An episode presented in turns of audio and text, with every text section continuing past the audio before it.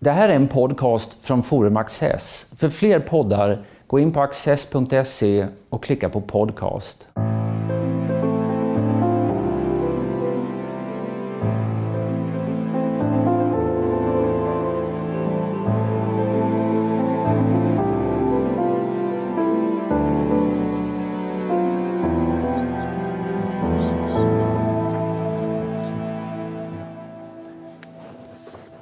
Välkomna till en ny bok där vi idag ska prata om den vackra boken Den kinesiska idén från Konfucius till Xi Jinping. Eh, utgiven i bokförlaget Stolpe i samarbete med Axelsson Jonsson-stiftelsen. Huvudredaktörer är Kurt Almqvist och PJ Anders Linder. Vi har bjudit in en av bokens medförfattare, Rebecka Eriksson, som är filosofie doktor i kinesiska och fokuserar sin eh, forskning särskilt på lit kinesisk litteratur förstås. Välkommen Rebecka. Tack. Ditt kapitel har titeln I maoismens sanna anda och du inleder med Mao Zedong kunde sin historia. Varför var detta viktigt? Ja, det är viktigt av eh, flera anledningar, men eh, det finns en lång tradition i Kina av att eh, just se tillbaka till den egna historien och försöka lära så mycket som möjligt av den egna historien för att se hur man Eh, hur en härskare ska bete sig, eh, hur man bäst styr ett land men också kanske framförallt då för eh, Maos räkning hur man behåller makten. Hur ser man till att inte bli avsatt, inte bli avrättad, inte bli lönnmördad. Det finns ju många sätt som en ledare kan försvinna på. Och då hade ju, det vi vet om Mao är att han redan från tidig ålder läste en en eh, historisk krönika från 1000-talet som heter Zizhu som han eh, använde mycket som inspiration just för sitt eget ledarskap och eh, återkom till under hela, under hela sin livstid. Och i den boken så eh, presenteras ett antal tidigare dynastier och vad hände? Var, varför föll de? Varför försvann de här ledarna? Och eh, då skulle den, den eh, kejsaren då som beställde det här verket på 1000-talet, han ville eh, veta hur han skulle agera för att inte gå samma öde till mötes. Och det här var någonting som Mao verkligen eh, tog fasta på och förstod att uh, utnyttja. Kort sagt att det handlar om att behålla makten. Ja. ja i stort sett. Då kan man ju, nej, men, du skriver också då att Mao han blickar in mot den kinesiska historien och dess särdrag. Och du, du nämner ju det här. Då, men Alltså, såg han sig kanske då som en, en lång utlöpare av en kanske flertusenårig kinesisk tradition i den bemärkelsen också? Kan man, kan man dra till ja, med det? Svaret är ju som ofta både ja och nej. Mm. där Man ser ett tydligt brott också såklart med den, med den kinesiska historien under Maos tid. Mm. Men det sagt så är det också många som har iakttagit att Mao verkar se sig som en i ledet av stora kinesiska tänkare. Han ska bidra med sin filosofi och han vill ju också att hans tänkande, hans ism, maoismen, ska gå segrande ur en sån här historisk strid mellan olika ideologier som tidigare konfucianismen och daoismen och liknande hade gjort i Kina. Och ett redskap för detta var att skriva böcker, eller hur? Ja, absolut. Om eh, motsättningar och om praktiken? Ja, de här uh, skrifterna kan man kalla dem som, uh, som tillkommer i Yan'an då i uh, slutet på 30-talet, 37 tror jag båda ges ut och är baserade på tal som han håller under den här perioden då kommunistpartiet är samlade i Yan'an och efter då den långa marschen när de har dragit tillbaka från nationalistpartiets aggressioner kan man säga, under, under inbördeskriget. Och eh, det är där han formulerar det som kommer bli till maoismen och det som kommer ligga till grund för den kinesiska kommunismen eh, ända fram till, i alla fall till hans död och sen ska man diskutera om huruvida det fortgår idag. Men om praktiken och eh, om motsättningar är två sådana här väldigt tongivande skrifter som han producerar på den här tiden. Ja, ja han, han skrev ju liksom flera då böcker som vi konstaterar och, och, och och de är väl liksom i stort sett samtliga skrivna i något slags politiskt syfte. Alltså, det var ingenting annat. Alltså, kan man beskriva något på något annat sätt som författare? Hur är hans ja. stil? Finns det, finns det någon, någonting där? Just det. Eh, ja, kanske inte som författare. Och, um, där får man ju se honom framförallt kanske då som ideolog eller filosof om man vill. Mm. Eh, det hade han kanske själv velat kallas men sen får någon annan avgöra huruvida det stämmer. Men um, poet däremot, ja där kan vi ju, ehm, det kan vi ju benämna honom. Han, och där blickar han ju enbart tillbaka. Han, eh, han skriver klassisk poesi. Men han skriver klassisk poesi som ehm, skildrar eh, hans eget parti och hans egen eh, storhet på många sätt. Hur såg spridningen ut av det här? Hur fick han ut poesin? Ja, alltså när, när han väl publicerar då är han ju redan eh, ordförande för partiet och då är det inget större problem att, eh, att bli publicerad.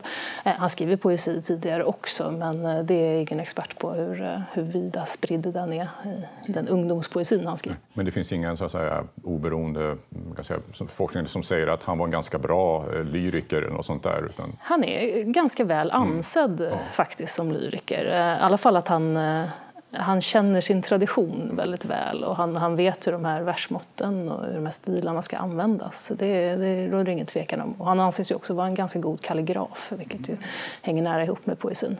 Men det får eh, kalligrafiexperterna sen fälla sitt omdöme om.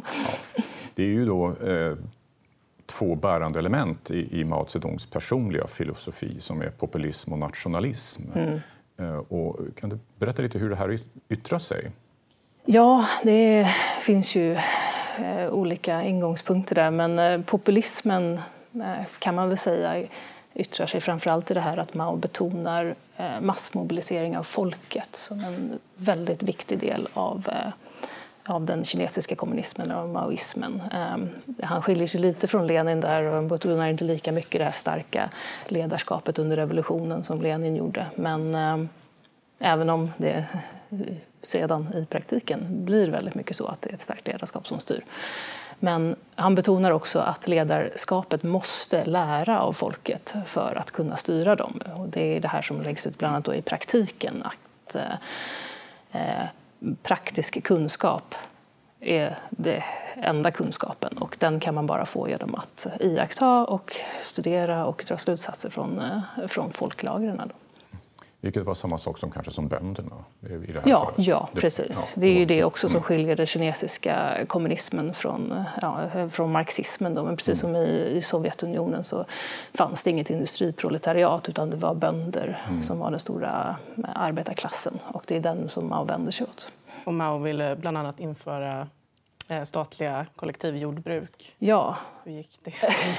ja, det, det gick som eh, de flesta av oss vet och inte så där eh, jättebra. Utan, ehm, du kanske kan berätta bara lite grann om det absolut, i korta, korta Absolut. Det, det rör sig om den andra femårsplanen som kommunistpartiet presenterade 1958 till 62 tror jag att man pratar om. Och, ehm, eh, vilket då innefattade det här stora projektet, det stora språnget framåt, eh, som var ett Eh, jättestort jordbruksprojekt där man delade in eh, befolkningen i de här eh, folkkommunerna som var jordbrukskollektiv. Och det här var en liten administrativ enhet som skulle arbeta tillsammans, leva tillsammans, eh, producera eh, bland annat då både jordbruk men även stål och sådana saker tillsammans. Ehm, och sen rapportera in hur mycket de hade eh, producerat och så fick de, eh, ja, belönades de utifrån det. Då, och, och det ledde ju till mycket felrapportering bland annat och det ledde också till att man eh, producerade stål eh, som var väldigt lågkvalitativt som inte gick att göra någonting med och det ledde också till stor missväxt eftersom man, många inte visste så mycket om eh, jordbruk och speciellt inte hur man skulle eh, mångfördubbla jordbruket, vilket man gärna ville göra på den här tiden. Så att, eh, det stora språnget ledde ju till en stor svält. Ja, det var ju miljontals människor som dog. Eller? Ja, det är ju... Ehm, det, finns lite olika diskussioner om hur många, men det var ju liksom ja. en, en, stor svältkatastrof. Det är en enorm svältkatastrof. Mm. Och hur många som dör är ju omtvistat. Det finns ju inga officiella siffror på det här såklart. Och det, finns ju, eh, det finns en del forskning både från kinesiskt och eh, eh utomkinesiskt håll. Eh, och det är det är ju siffror på från 10 till 30 miljoner som man pratar om. Det är, det är ofattbara stora siffror mm. var man än väljer att eh, lägga sig där. En, en, en, sak bara som slår en när man hör detta, då, den här stora satsningen eh, och så vidare. Att, eh, jag menar, hur, hur, hur blev Maos ställning då efter en sån här ändå liksom kolossal blunder? Om man får ja, det, för det. det är det ju. Och mm. eh, även om eh, man skulle kunna tro att han ryker omedelbart mm. där, men det gör han inte. Utan eh, han får lite förminskad makt under ett par år. Det, ska säga. Så det beror både på det stora språnget och eh, utfallet därifrån, men också på grund av att det finns kritik inom partiet för att man ser en personkult som börjar växa fram kring Mao. Att det blir väldigt mycket fokus på honom och på hans eh, ideologi. Så han, eh, han kanske inte kliver tillbaka riktigt eh, officiellt men han får lite minskad makt under ett par år. Och någonting som bland annat är en väldigt känd episod är att den dåvarande försvarsministern kritiserar honom i ett brev och blir efter några vändor då avsatt och ersatt. Och eh, det, man ser det som ett tecken på att Mao ändå lyckas då befästa sin makt. Han, eh, han sitter så pass eh, säkert fortfarande. Det här blir närmast eh, som en religion kring honom. Eh, hur, hur, såg resten av världen på just den här tiden? Att, hur lång tid tar det för omvärlden att få, få reda på? Ja, det, det är en del som kanske fortfarande inte har fått reda på. Men det, det är under den här perioden så är det ju väldigt svårt att eh, få några riktiga besked från Kina. Utan det som rapporteras eh, eh, under Stora språnget och även under senare tid på 60-talet under kulturrevolutionen är ju att det mesta är bra.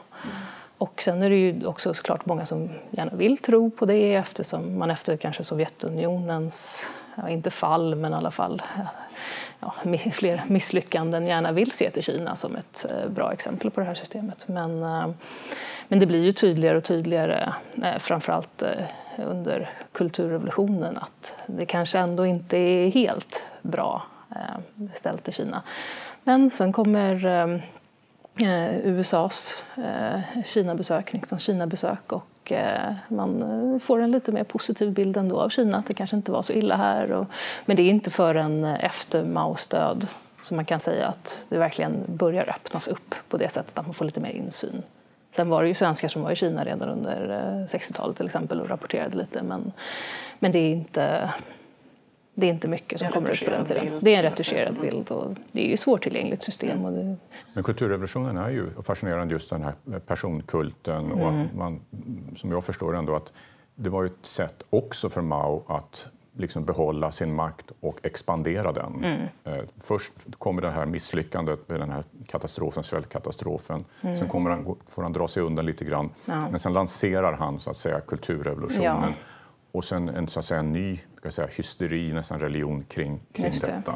Ja, det är där det, det växer sig stort på allvar ja. faktiskt. Det är ju, eh, det är ju mellan Stora språnget och kulturrevolutionen så har vi den här eh, Låt hundra blommor blomma-kampanjen mm. som, eh, som har blivit väldigt känd. Där man uppmuntrar till kritik av partiet och får kanske lite mer än vad man hade förväntat sig. Men, och sen vet man inte om det var en taktik från början, att man ville veta vilka som var negativt inställda till partiet och till Mao, eller om det faktiskt var ett genuint försök att eh, få lite eh, förslag och hjälp att liksom känna av folklagren. Men, eh, men det leder ju då till, eh, på många sätt direkt till kulturrevolutionen för att det är då man börjar rensa ut oliktänkande också inom partiet. För innan dess var det ju väldigt mycket fokus på så kallade högerelement och på ja, borgerliga element i Kina som fortfarande fanns kvar. Men nu så vänder man också blicken mer mot partiet och Mao på många sätt distanserar sig från partiet kan man säga. Han ser sig själv som någonting annat än de här andra partikadrerna som har glömt bort den här sanna maoismen, den sanna andan om man vill säga så. Det är bara han som förkroppsligar det här nu. Han och den yngre generationerna, de här rödgardisterna som han allierar sig med. Intressant. Och då, sen 1976 så är Mao död. Mm. Eh, men hur skulle du säga att hans inflytande ser ut idag? Består det? Ja och nej, återigen. Eh, jag skulle säga att det finns väldigt lite kvar av maoismen i Kina idag. Den här idén som man utvecklar eh, försvinner ju mer eller mindre redan under Deng Xiaopings tid då med eh, reformerna 78 och framåt när Kina öppnas och man inför eh, en viss typ av marknadsekonomi All, eh, framförallt de ekonomiska reformerna då är ju väldigt, väldigt långt eh, avlägsna från, väldigt avlägsna från Maos idéer om hur ett land ska styras och hur ekonomi ska fungera. Ehm, så jag skulle säga att det finns väldigt lite av maoismen kvar i Kina idag. Men å andra sidan så ser vi nu en kinesisk ledare vars namn är inskrivet i eh, partiets grundstadgar, vilket inte har hänt sedan Maos tid, i alla fall i Deng Xiaoping, då, men det var efter hans död. Eh, och som inte heller har någon eh, gräns för hur länge han får sitta, vilket ju heller inte har hänt sedan Maos tid. Vi talar om Xi Jinping. Vi pratar om Xi Jinping. Och han, eh, han pratar ju i sin tur väldigt mycket om de här stora gemensamma projekten från Kina. Belt and Road Initiative, det här stora nya sidenvägsprojektet till exempel. Det får ju en del att tänka på eh, Maos gamla reformer och Maos gamla retorik framför allt. Det här med en stor ledare och ett land som är gemensamt och arbetar på ett stort projekt tillsammans. Det ekar fortfarande från Mao i alla fall. Det gör det i alla fall. Rebecka, stort tack för att du kom hit. Tack så mycket.